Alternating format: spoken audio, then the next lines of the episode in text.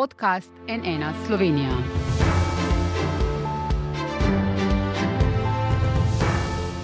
Dobr dan, to je NN studio. Kakšne avtomobile bomo v Evropi vozili po letu 2035, ko bo prodaja osebnih in lahkih tovornih vozil na benzin in dizel prepovedana?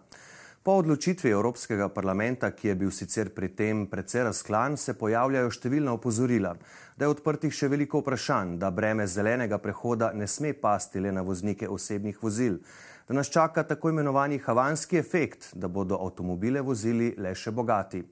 Kaj od tega je realno in kaj ne? Kako naj se tega loti Slovenija, kjer je bilo lani prodani najmanj novih avtomobilov v tem stoletju, električnih pa le za vzorec? O tem z gostoma, odličnima poznavalcema avtomobilskega trga pri nas in širše. Z nami v studiu sta Andrej Brgles, predsednik Avtomoto zveze Slovenije. Dobr dan, dobrodošli. In Boštjano Koren, Zveza potrošnikov Slovenije. Lepo zdrav tudi vam. Dan, pozdrav. Pa če začneva, eh, midva, gospod Brgles, ta najnovejša odločitev Evropskega parlamenta je bila v bistvu napovedana že lani in je bila pričakovana, ampak vseeno precej eh, razburjena. Amazon se pravite, vsi se strinjamo, da bomo morali v prihodnjih letih in desetletjih precej storiti za zeleni prehod in čistejše okolje, vendar breme zelenega prehoda ne bi smelo v tako veliki meri pasti na voznike osebnih avtomobilov. Kaj konkretno vas to najbolj skrbi? Ja, predvsem to, da je zdaj, pa ne zdaj, ne, sej, um, to je pravzaprav že mantra nekaj desetletij, pozornost uh, pade vedno na avtomobile. Vse razumemo, zato ker so pred nami, ker onesnažujejo mestna jedra, ker je največ ljudi in tako naprej. Sicer pa pri vprašanju rešitve um, ali pa reševanju um, naših, um, naše polucije in v bolj trajnostno, drugačno družbo je mobilnost kot taka manjši del problema. Uh -huh. Avtomobilska mobilnost še, še toliko manjša. Ne smemo zanemariti, da je avtomobilska industrija v zadnjih dobrih desetih letih izjemno veliko naredila za to, da je izpuste občutno zmanjšala. Uh, tako da fokus je tukaj že tisto, kar prvo govorimo, ne? da ne sme pasti zdaj na tistega, ki v resnici ne onesnežuje, če gledamo širšo sliko, ne? ampak ker je res to kompleksno vprašanje, ga moramo tudi mi, tako kot politiki, v bistvu na koncu zožiti. Ne? In zato smo rekli, breme ne sme pasti na tistega, ki je uporabnik avtomobila, zato ker tisti nosi samo en del vse te odgovornosti. Pa še nekaj je tukaj treba dodati. Um, tisti, ki so kupili avto v lanskem letu, 95 odstotkov teh je kupilo dizla ali benzina ali hibrid, so lahko popolnoma mirni, uh mhm. -huh. prav v tem kontekstu, uh mhm. -huh. ker so kupili trenutno ekološko najbolj čisto vozilo in lahko z njim popolnoma enako mirno živijo kot tisti, ki so uh, kupili električni avto. Ne? Ja, o tem, kaj, bomo, kaj naj mi, potrošniki, storimo, bomo še posebej na koncu uh, govorili. Gospod Okoren, se na Zvezi potrošnikov s tem strinjate? Katera so po vaše tista ključna odprta vprašanja pri tej ja, uh, odločitvi? Teh vprašanj je kar veliko in je res žalost, da nismo najprej te, ta vprašanja rešili. Uh -huh. uh, dejstvo pa če, ja, seveda, trajnostna mobilnost je ena od tistih stvari, ki morda niso najbolj nujne za reševati, pa vendarle, jaz mislim, da za vsakdanje življenje, sploh v mestih, je trajnostna mobilnost, rešitev trajnostne mobilnosti res pomembna. Poglejmo samo, če recimo se določene ulice sprostijo prometa, če tam več kolesarjev, pestov, kako se spremeni celotna struktura mesta, tukaj govorimo o teh, bom rekel, ožjih eh, mestnih središčih, posebno drugače seveda nekje zunaj mest in pa uh, na deželi, uh, ampak dejstvo pač je, da sama odločitev, da se nekaj prepove, brez da bi pri tem resno uh, razmišljali o tem, kaj se bo dogajalo z alternativo, je pa, mal, je pa predvsem politično. No. Zdaj ta, ta beseda verjetno poveže dovolj, ampak mi se predvsem bojimo tega, da bo vsa alternativa, ki je zdaj na voljo in bo tudi leta 2035 še vedno na cestah, vse takrat se bomo še vedno lahko vozili z benzinskimi avtomobili, da bo to povzročilo više cene. Hkrati bo industrija s tem dobila spet en pospešek, da cene električnih avtomobilov, ki so že danes, po našem mnenju, kar nekako pretirane, da bodo lahko še naprej ostale visoke. In to bo seveda onemogočilo potrošnikom, da pridajo do bolj mobilnostne, rešit, bolj, uh, bom rekel, čiste uh, rešitve z avtomobilom. Uh, in v, številnih primerjih bi lahko potem uh, sledil pač prehod na neke druge oblike mobilnosti, ampak v Sloveniji, pa še kje druge, Slovenija tukaj sploh ni najslabša. Če gremo proti Hrvaški, Romuniji, Bolgariji, Mačarski, Češki, to so države, kjer neke hude alternative avtomobilov pravzaprav ni, sploh za tiste, ki ne stanujejo v središču mest. In taka vprašanja bi bilo treba reševati vsaj sporedno, če ne že prej. In uh, gledano z nekega severa Evrope so, ta, so te problemi, bom rekel, lažje videti rešljivi, tukaj na našem koncu pa to res nekaj. Uh, bojimo se dejansko, da bomo postali nekakšna, bom rekel, uh, odpadek za uh, Zahodno Evropo, če tako rečem, da bodo tik pred tem datumom k nam prišli avtomobili. Benzin, takrat verjetno predvsem bencinari, ker dizlov ne bo več toliko, kot jih je danes. Uh, in da bomo mi še naslednjih deset let potem uporabljali to. Zdaj, znotraj uh, Evropske unije bodo dosegli cilj, hkrati pa, uh, da ne bo več prodaje tega avtomobila, ampak uporabi pa še vedno bodo in to leta in leta. In tukaj tudi en del kubanskega scenarija, ko gledamo tam te stare ameriške avtomobile, bi se lahko zgodilo nekaj podobnega tudi tu, če ljudje ne bodo imeli druge alternative. Ja, o tem še kaj rečemo, ampak nekako vajna skupna ugotovitev je, rekel skupni imenovalec, da se je mogoče Evropa tega problema lotila z napačnega konca. Kaj bi pa bila potem lahko rešitev? Nekateri govorijo o večji obdavčitvi, da bi bil to morda lahko uh, začetni korak, gospod Brgles. Mislim, uh, popolnoma lahko nadaljujem tam, kjer je kolega v bistvu končal. Sej, va, sami ste rekli, uh, že Pričakovali smo, sej to ni, mm -hmm. kar se je zdaj uh, pravzaprav uh, izglasovalo, je bilo že leta napovedovano. Kar nas je zdaj zanimalo, je to, kar ste sami rekli, tako razklanost. Ne? 278 glasov proti, mm -hmm. in to kaže na to, da poslanci vsekakor niso enotni. Pri 340 tistih, ki so glasovali mm -hmm. za, pa mislim, da 40 je vzdržanih bilo. To je zelo jasno kaže, na to, da ni enotnega pogleda, že samo pri tem, pa to je zelo žgoče vprašanje. Ko se v Evropi začne govoriti o avtomobilih, ja, pa kjerkoli na svetu, je to pač seveda prvovrstna mm -hmm. tema. Ampak tukaj moramo povdariti, da tisti, ki so, niso glasovali za, ta, za, to, za to rešitev, če tako rečemo, za ta predlog poti, niso proti elektrifikaciji ali proti zelenemu planu Evrope. Oni so samo rekli, ta napoved, tam, kjer si končal, ne, je, ali pa ta smer ni tista, po kateri mislimo, da je treba iti. So druge poti, ki so lahko bolj, uh, ki kažejo večjo, več, več razuma, več opcij za to, da bomo ljudje lažje in postopoma prihajali do tam, do bolj zelene mobilnosti, hkrati pa tudi ponuja gospodarstvu bistveno večjo prožnost. Ne. In Evropa v tem smislu mora pravzaprav upoštevati oboje. In se politika vedno upošteva oboje. Na eni strani ima lobistično industrijo, na drugi strani ima zahteve volilcev. Ampak tukaj pa se pravzaprav ujameta in zato je nekoliko presenečenje, da, da so šli v tako ambiciozne uh, načrte. Ker kaj mi zdaj tukaj govorimo? Da se nekdo pripravlja in ne vem, skače v dolino vedno po dva metra, ne? zdaj pa je rekel, da bo na naslednjih olimpijskih skočil tri metre, ne, ne dva metra dvajset. Uh mhm. -huh. In oni so samo to rekli, zakaj si tako zelo ambiciozno zastaviti tam, kjer je bistveno preveč problemov, morda tudi nepotrebnih napetosti v družbi predstavlja in v industriji morda prehude šoke. Ne? Zakaj govorimo o industriji v tem primeru tako izrazito, ker je evropska industrija, tudi slovenska, je zelo vezana na ta transport in na to izdelavo avtomobilov in tudi potrebuje nekaj časa, da se prekvalificira na nekaj drugega, morda ne na elektriko, ker trenutno je Kitajska v posesti večine uh -huh. materijalov za pridobivanje električnih avtomobilov in to ni prednost za, za evropski industrijski trg. Tako da tukaj noter pravzaprav najdemo tudi odgovor. Ne? Ni enotnega pogleda, to je zelo razklano in tukaj, tako kot si sam rekel, ne, se postavlja tisto vprašanje, zakaj, zakaj tako mm, ambiciozno v nekaj, ne, da zdaj vsak, ki reče, da je kaj manj kot to, je neambiciozno. Ne, morda je samo bolj razumno, mogoče lažje dosegljivo, z manj pretresov. To je to, kar govorimo. Ne. Uh -huh. No, eh, ravno, ravno ta preskok je tisti kritičen. Ne? Mi nismo proti temu, da bi bilo na cestah več avtomobilov na električen pogon ali pa na kakršen koli drug pogon brez izpustov. Ampak ta preskok mora biti nekako zvezen. In zdaj smo videli v zadnjih petih, šestih letih, mi smo naredili uh, raziskavo tam nekje od leta 16-17 naprej. Uh, mislim, da smo jo 2018 objavili o um, pričakovanih stroških, uh, celotnih stroških uporabe avtomobila. In takrat smo gotovili, da elektrifikacija in celo tudi prehod na vodiko pogon uh, dolgoročno ne pomeni tako hudega preskoka in tako hudih stroškov, kot jih zdaj dosegamo oziroma vidimo v realnosti. Takrat se je pač Uh, ko smo to delali, smo dejansko, uh, ko je bila analiza, oduzeli vse iz avtomobila, dodajali pač motor na en stran dizelski, benzinski, na drugi stran pač uh, električni ali na vodik in potem uh, pričakovane stroške tega uh, izdelave takšnih uh, avtomobilov skupaj z baterijo in podobnimi zadevami. In na koncu smo prišli do tega, da dejansko nekje avtomobil po 3-4 letih bi se že moral izplačati uh, pač na čist pogon.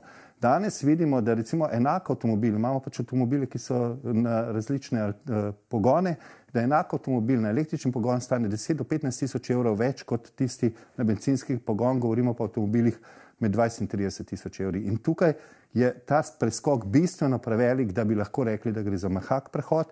In če bi zdaj nekdo ukinil tiste za 20 tisoč evrov, ne vem, uh, prišli bi dejansko v državah kot je Slovenija, ki nima alternative do neke mobilnostne revščine. Uh -huh. uh, ne zagovarjam še enkrat, Eh, porasta eh, avtomobilskega prometa. Eh, nič ne bo bolje na cestah, če se bodo vozili samo električni avtomobili. Isto bomo stali v kolonah, isto bodo zatrpana mesta. Ampak razmisliti moramo, kako doseči, da bodo ljudje na eni strani začeli kupovati bolj čiste avtomobile s čistimi tehnologijami in nekako prehajali do leta 2035, če želite, ali pa 38 na nič izpustov, na drugi strani pa tudi nekako ne omejili, ampak dejansko omejevali število avtomobilov, da ne bojo več 3-4 pri hiši, da boste mogoče največ dva ali pa kaj podobnega. To je pa mogoče na različne načine, kot so že omenili, davščine, uh, recimo zaračunavanje parkirnega mesta, ker prostor v javni prostor v mestih je uh, zelo, zelo redka dobrina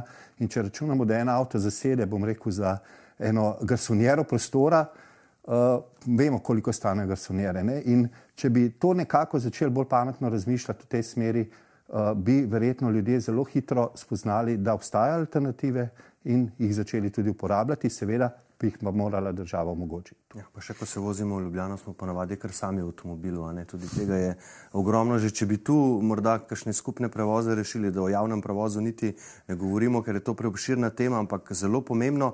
Zdaj uredba sicer predvideva možnost izjem za manjše proizvajalce ampak le v prihodnem obdobju do leta 2035. Kriterij je največ 10 tisoč avtomobilov ali največ 22 tisoč lahkih gospodarskih vozil v koledarskem letu. Proizvajalci, ki na leto proizvedajo manj kot tisoč novih vozil, pa bodo iz te uredbe celo uh, izuzeti. To so verjetno tisti najbolj uh, luksuzni avtomobili. Uh, je to dovolj, gospod Brgles, to prehodno obdobje ali bi moralo to biti še?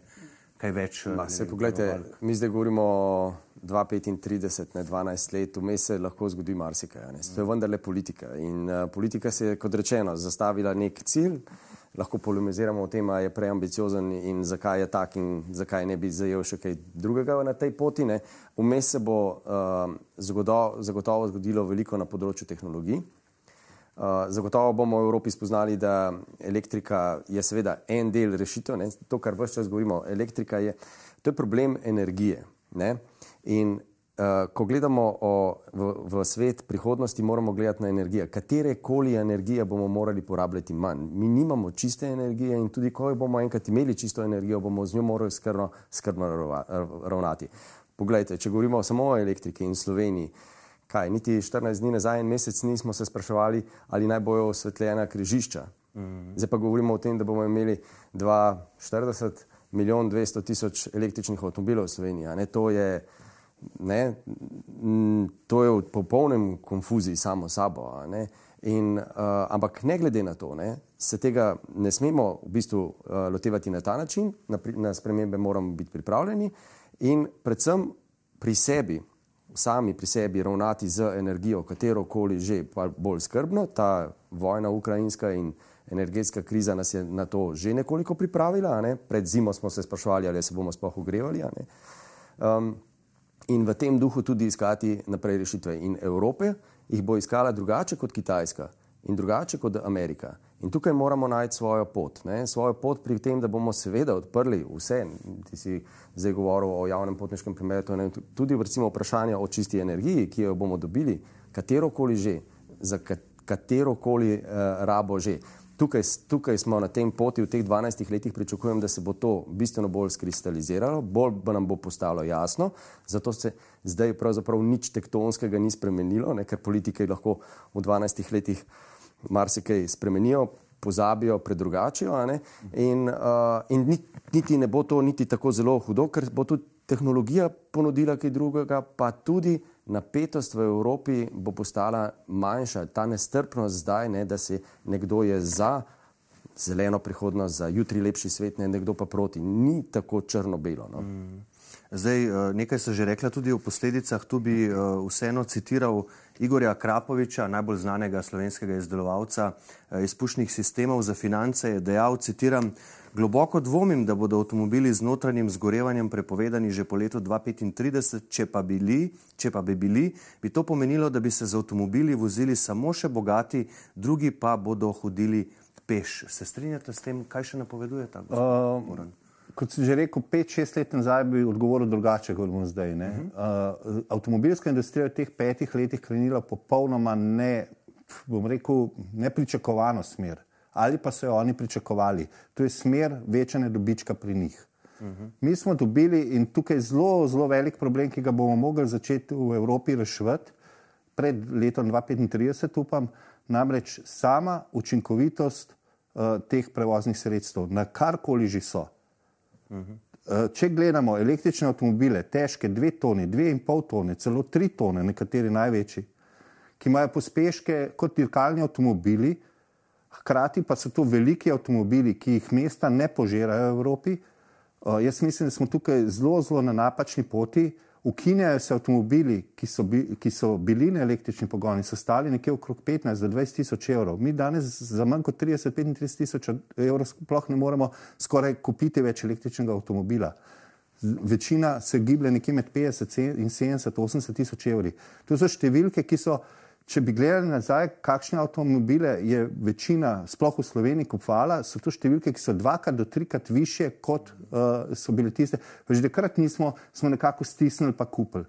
Problem Evrope je ravno ta razklanost med severom in jugom.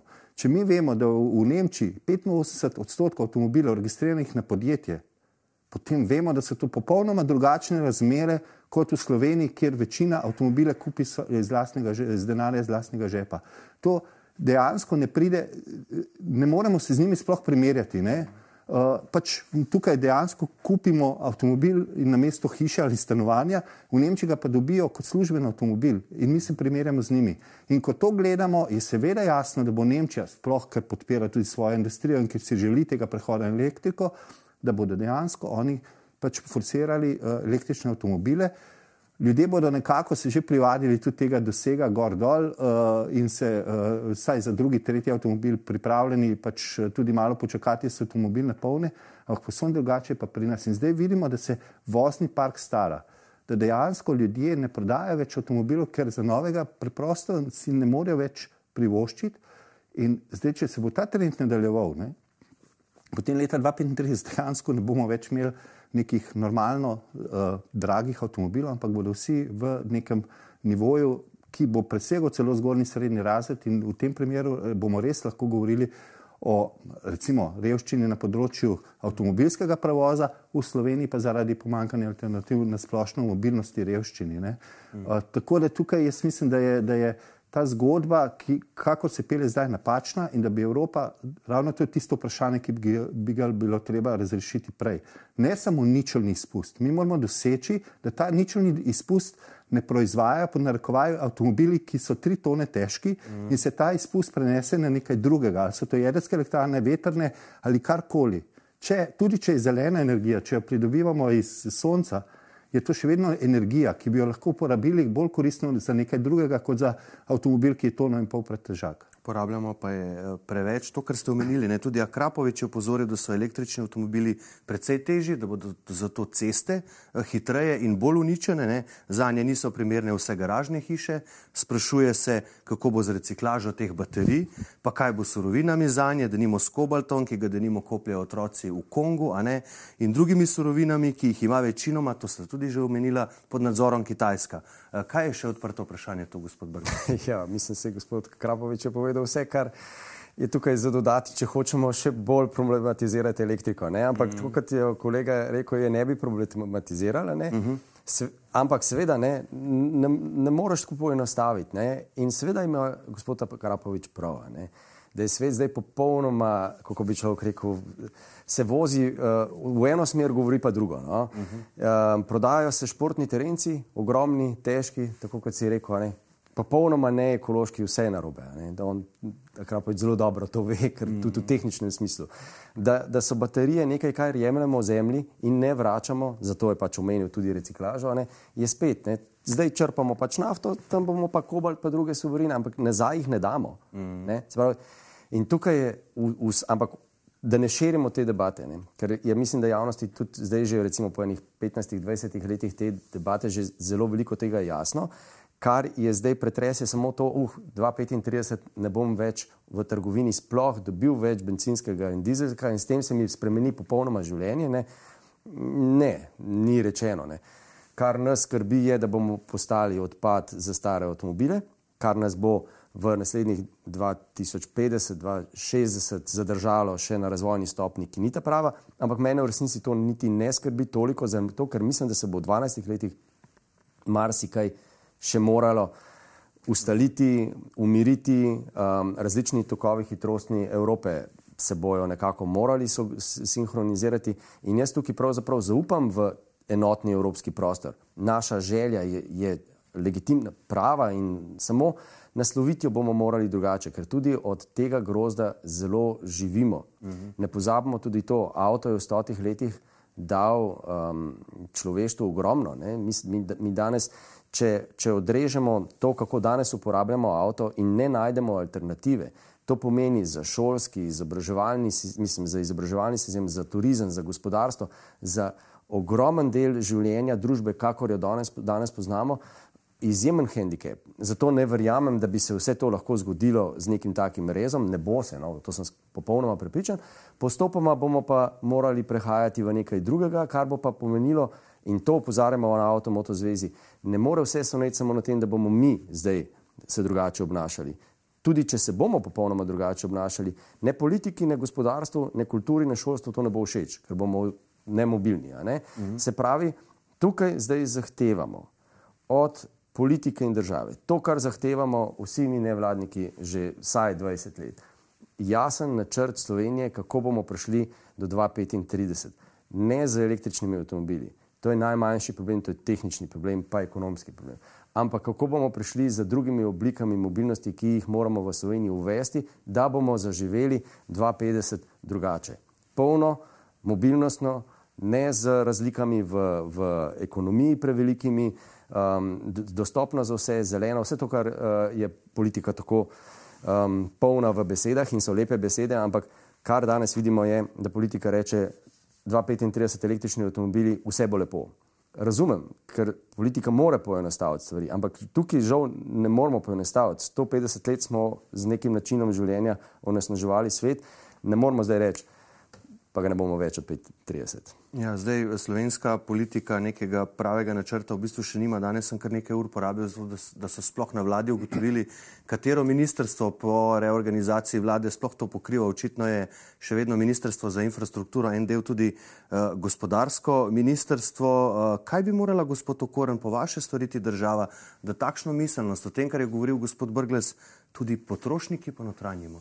Ja, zagotovo potrošnika, kako se ga sliši, najbolj udari, rekel, udari po žepu, ampak dejansko ga najbolj prepriča, da se odloči za neko novo tehnologijo, to, da je ta tehnologija dostopna, tako da jo preprosto kupiti in da je tudi, recimo, vsaj sorazmerno cenejša kot stara tehnologija. Uh -huh. uh, tukaj vidimo tudi recimo, pri informacijski tehnologiji. Ne? Zakaj imamo danes vsi telefone, ki so stanejo 400-500 evrov ali pa celo več, mm. nekateri tudi čez tisoč. Uh, 20-30 let nazaj bi, bi nas čudno gledali, če bi nekdo rekel, da bo za telefon plačal to kot za računalnik. Ampak dejansko ljudje vidijo pač neko prednost, neko uh, uh, boljšo stvar s tem, da imamo pač te pametne telefone. In enako bi moralo biti pri prevozu. Ne? Uh, zdaj, če mi gledamo, jaz mislim, da že veliko ljudi, recimo, ki živijo v mestih, v strogih središčih mest, se že odreka pač avtomobilu, mogoče ne enemu, ampak drugemu in tretjemu pa skoraj gotovo. Tisti, ki živijo v delih, kjer ne morejo več kar tako parkirati. Uh, in imajo hkrati seveda tudi možnost nekega normalnega normalne alternative. Ne govorim samo o javnem prevozu, govorim tudi o recimo, uh, možnosti deljenja avtomobila, mogoče kolesa uh, ali pa da imajo veliko stvari na peš. In tukaj je res tako široka tema. Ne? Mi tukaj govorimo tudi o urbanizaciji, o sistemu, kako, če imaš ti vas raztreščeno po treh hribih naokrog, brez trgovine, brez, bom rekel, teh osnovnih zadev, ali, ali je to lekarna, ali je to bankomat, ali je zdravnik, potem je logično, da bodo te ljudje ne želeli, morali imeti avtomobil. Če pa imaš ti vas stisnjeno v gručo, kjer je sredi trg, tako kot je bil čas, ko so ljudje pač crkva, gostilna, neka mala trgovina, uh, je mogoče še kakšna druga stvar, ki je ljudem pač blizu, ali je to frizer, ali je to zdravnik.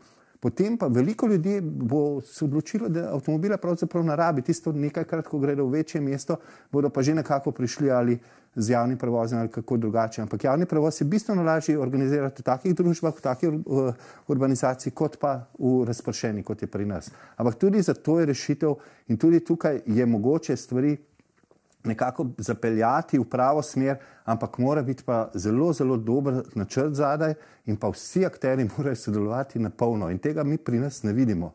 Mi recimo se že uh, znotraj istega avtobusnega podjetja ne znajo dogovoriti, da bi se avtobusi križali tako, da bi bilo preprosto prestopanje. Recimo, da se čaka uh, v nedeljo več kot pol ure na, na novi avtobus, zato ker je tisti prejšnji ravno kar odpeljal, mi smo se pa tudi uh, želeli pripeljati z avtobusom. Skratka, to so stvari, ki jih mora ali občina ali država urediti skupaj združiti, pomisliti, kam, kje so te poti. To so mobilnostni načrti, ki jih že izdelujejo določena podjetja in podobno.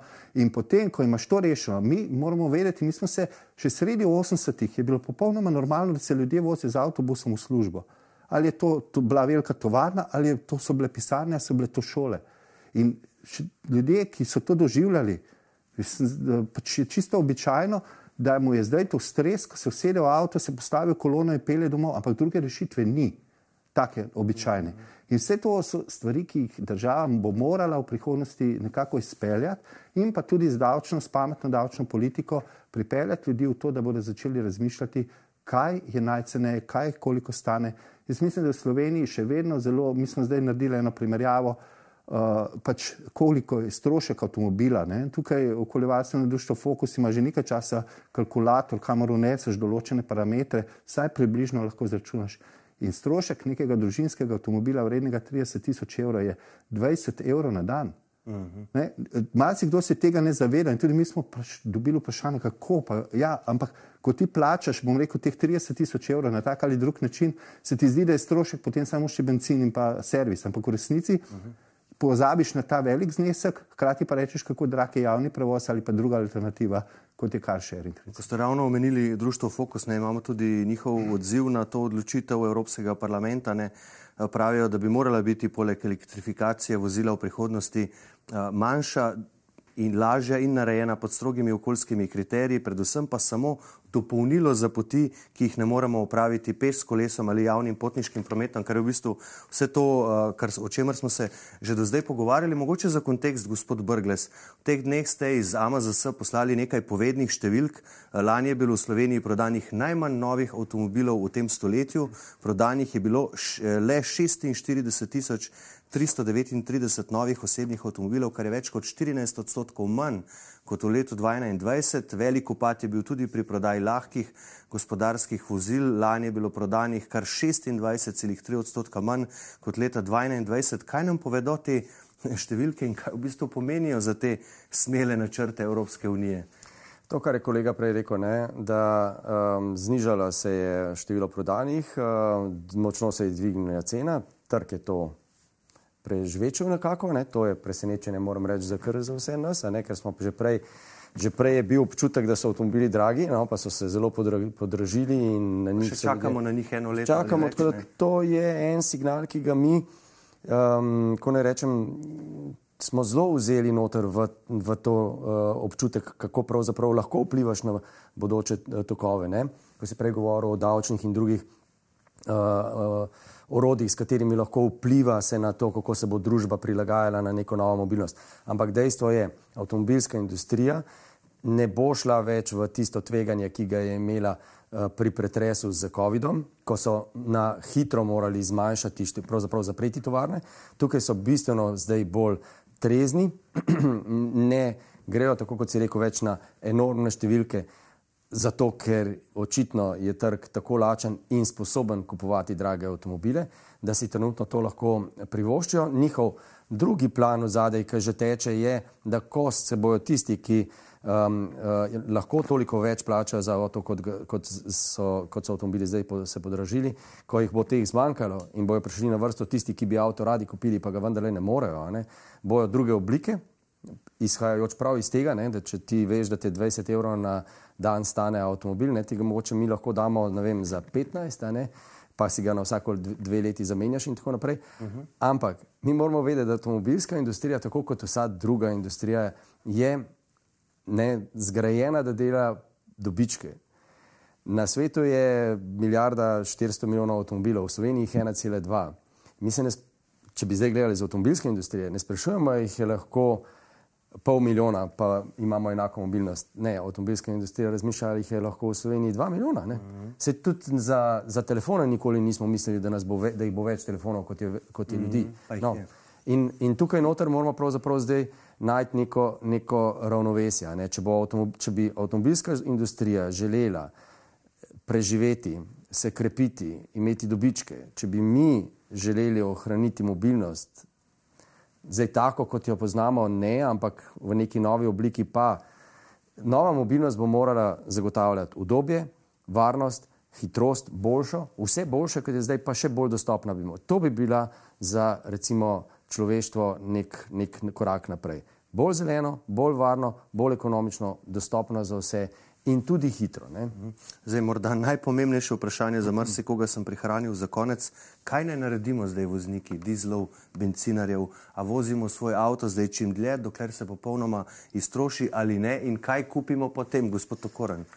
Uh, najprej še uh, dopolnim, ne, že res, da je bilo prodanih najmanj novih avtomobilov v tem ja. stoletju, oziroma uh, druga najnižja številka se mi zdi od osamosvojitve, ampak izjemno veliko uh, število avtomobilov je bilo povoženih, tem je pa raste ja. enormna. Uh, bom rekel, k sreči po narekovaj uh, gre za avtomobile stare nekje tri do pet let, v glavnem višjega razreda, to so takšni, ki se sicer redke prodajajo pri nas, ampak nekako so zdaj prišli preko voza do nas, ker je pa cena postala sprejemljivejša za slovenca. Uh, in to, ta trend, jaz mislim, se bo nadaljeval. Torej, v prihodnosti, kaj ne kupijo slovenci? Ne?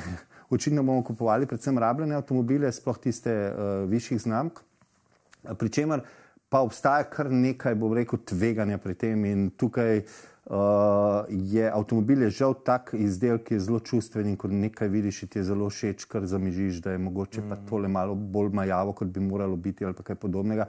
Uh, in uh, si zamišljam, da bo kar nekaj težav zaradi tega, tudi več, ko bo pač teh rabljenih, ker bo tudi uh, trg začel požirati tisto, kar morda danes uh, ostane še zunaj. Um, Drugače pa tako, kdo ima avtomobil, naj ga uporablja. Če ima možnost, da ga zamenja, vmes, mislim, vedno, kadarkoli, naj ga zamenja. Jaz vedno pravim, saj poskusiti treba, z, če imate tri avtomobile, saj en naj v tem času, v naslednjih petih letih, postane električen. Uh mhm. -huh. Ni treba zdaj kupiti najdražjega, lahko se začne, bom rekel, s cenejšimi, s tistimi, s katerimi se vozimo na kratke razdalje, morda nekajkrat na leto, kakšno daljšo. Uh, seveda, družinski avtomobil, eh, pa jaz dejansko si ne upam predlagati, da ljudje kupijo električnega. Meni je prav žal, električni avtomobili so načeloma zelo prijazni za vožnjo in vse, ampak uh, si ne predstavljam, kako recimo iti na smučarski oddih, recimo eno soboto ali pa nedeljo, ko je hladno, ko je treba zapeljati na nek hrib. Eh, ko se treba peljati 150 km, recimo eno smer. Um, kaj vse to za sabo prinese, ko na papirju načeloma bi šlo, ampak ker je pač minus 10, pa mogoče danes ne gre. Ne? Uh, in ker gre v hrib, je ta poraba še toliko večja. Skratka, tukaj je kar nekaj stvari, pri katerih je treba biti previden. In, ampak, če začnemo s, eh, bom rekel, z lagoma, morda v, v tem času bodo že uh, električni avtomobili prišli tudi na trg rabljenih avtomobilov. Mi smo takrat pri izračunu teh stroškov uh, lasništva ugotavljali, da drugi, tretji lasnik bosta zagotovo že profitirala zelo hitro z električnim avtomobilom in hkrati se jih bomo mogoče navadili. In na koncu videli, da niso tako bav, bav, sploh ne za vsakdani uh, vsak promet, se pravi v službo in nazaj. Drugače pa potem, bliže 35, pa uh, srčno upam, da bo industrija, uh, čeprav nisem, nisem zelo optimističen, ampak da bo tudi v industriji se nekaj premaknilo. Ne? Vedno se govori o tem, da so najboljše odkritja takrat, ko je kriza, ko, je, ko dejansko nekdo stisnjen pred zid. Ne? In če bomo dosegli ta preboj, da bo uh, neko uh, brez uh, uh, brezizpustno, se pravi, vozilo z nič uh, izpusta, naj bo električno, naj bo na vodik, naj bo na katero koli novo tehnologijo, uspel uh, prebiti rekel to mejo. Uh, in pa doseči to obdobje, ki ga imamo danes z benzinskimi avtomobili, se pravi, da je to točenje oziroma polnjenje ali pa doseg tako dolg, da se o tem sploh ne sprašuješ več, potem smo naredili vse. Recimo nek doseg tisoč km bi bil za 99,9 odstotka voznikov več kot dovolj, bi pač prišel neko na cilj, prespal, ta čas bi se spet napolnil. Ampak dokler pa imamo dosege realne, sploh zdaj le po zimi, med 200 in 250 km, mm. pa to ni avtomobil, ki bi ga res priporočali kar tako. Ne, za edinega pa, pa vem, da ga imajo ljudje, pa vem, da z njimi zelo dobro živijo, ampak žal, če malo poznamo te ljudi, mislim, eh, voznike avtomobilov, vemo, da je to kar lahko velik stres. Kje bi bile vse polnilnice, ne? če bi imeli milijoni dvesto električnih avtomobilov, kaj pa vaš na svet? Uh, če dodam na tisto, kar sem vam ja. že prej rekel, v Avtomoto zvezi um, spodbujamo nakupe novih benzinskih, dizelskih avtomobilov, so vsekakor uh, ekološki, ekološko trenutno taki, da ni treba imeti slabe vesti zaradi tega, ker ste kupili tak avto sploh ne, ne? Um, so varni, um, tako da ta, ta tudi veliko sovražnega govora, napetosti je zdaj med tistimi, ki so ne, za električne, tisti, ki so mm. proti. To je, ne, to je vse samo balast, ki nikakor ne pomaga v trajnost peljati katero koli že. In zato je popolnoma odveč. In v 12 letih se bo, tako kot si rekel, marsikaj spremenilo in vmes. Tisti avto, ki vam najbolj ustreza in izpolni najbolj vaše trenutne potrebe, to, to je to, in ne imeti slabe vesti. Seveda, kar pa gremo korak naprej. Za Slovenijo bi pa bilo zelo slabo, če bi ostala, postala nekakšno uh, parkiranje za zelo stare avtomobile iz severa. To, pa, to se pa moramo potruditi, da pač gremo v pomlajevanje voznega parka. Zdaj je nekaj čez deset let star in fino bi bilo, če bi lahko bil mlajši, kar pa pomeni, da morajo biti. Uh, kupna moč dovolj visoka, da, da seveda bomo kupovali benzinske in dizelske, ker bojo ceneje, očitno električnih in samo Um, ne imeti slabe, slabe vesti za to. To je pa že vprašanje za našo vlado, ki bo očitno v Bruslju podprla to odločitev Evropskega parlamenta. Za naprej bomo pa še videli in o tem se bomo pogovarjali takrat, ko bomo vedeli, kaj načrtuje. Za danes pa spoštovana gosta, gospod Okoren, gospod Brgles, najlepša hvala, da ste prišla na NN. Hvala vam. Hvala lepa. Hvala pa tudi vam za vašo pozornost. Seveda vse podrobnosti v zvezi s to pomembno novostjo za Evropsko unijo in naš prostor najdete na naši spletni strani nnainfo.si. Iz studija pa le še lepo zdrav in nasvidenje.